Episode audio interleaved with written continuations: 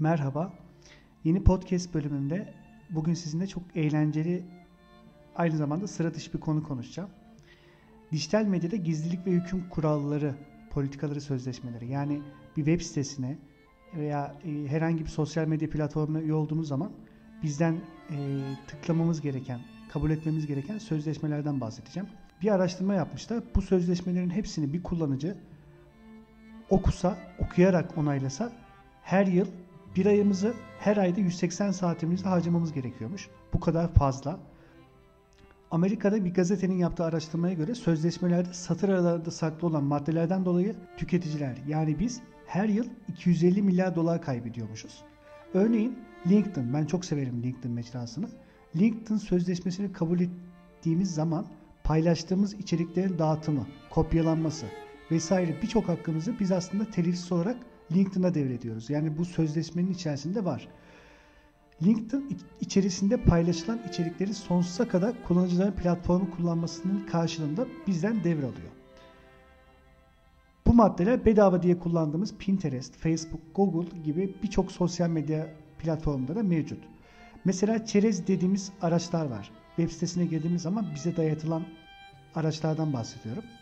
Örneğin bir siteye giriyoruz. E, sitede bazı hareketler gerçekleştiriyoruz. Bu hareketler paraya ve dataya dönüştürülüyor.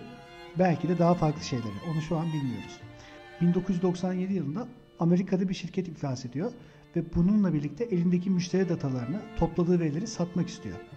Kullanıcılar ise buna tepki gösteriyor ve internette gizlilik yasaları gelmesini istiyorlar e, ve koruma talebinde bulunuyorlar doğal olarak. 2001 yılında internette gizlilik haklarını koruma için düzenlenen bir kongrede bir düzineden fazla yasa çıkartıyorlar. Bunun üzerinden 7 ay geçmeden ikiz kuleler saldırısı oluyor. Meşhur, hepimizin bildiği. Saldırıdan sonra Bush ve yönetimi tarafından tüm gizlilik mevzuatları sonlandırılıyor ve vatanseverlik yasası altında bir yasa ilan ediliyor.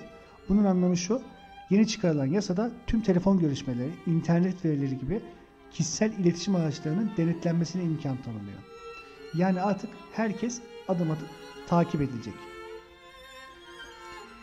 Herhangi bir kişinin Google aramalarını, tarama geçmişini öğrenmek için yasal bir karar gerekmiyor ve bu artık zaten suç da teşkil etmiyor. Çok da normal bir durum. Google yöneticisi Elin Schmidt 2010 yılında bir canlı yayında yaptığı açıklamada kullanıcı bilgilerinin Google'da saklanması mevzusunun artık Google'a yani kendilerine düşen bir karar olmadığını, farklı ülke ve yönetimine uyguladığı siyaset ve kamu politikası kararı olduğunu açıkladı. Yani onlardan artık çıkmış bu konu. Yani akıllara aslında şu soru geliyor. Mesela örnek olarak Google'ın 2000 yılındaki gizlilik politikası şöyle. Çerezler bize bu cihazın 2 gün önce Google'a girdiğini söyleyebilir ama kullanıcının kimliğini, yaşını veya yaşadığı konumu gösteremez. Bu çok uzun bir konu. Bir dahaki bölümde bu konuya devam edeceğim. Beni takip etmeye devam edin. Hoşçakalın. Thank you.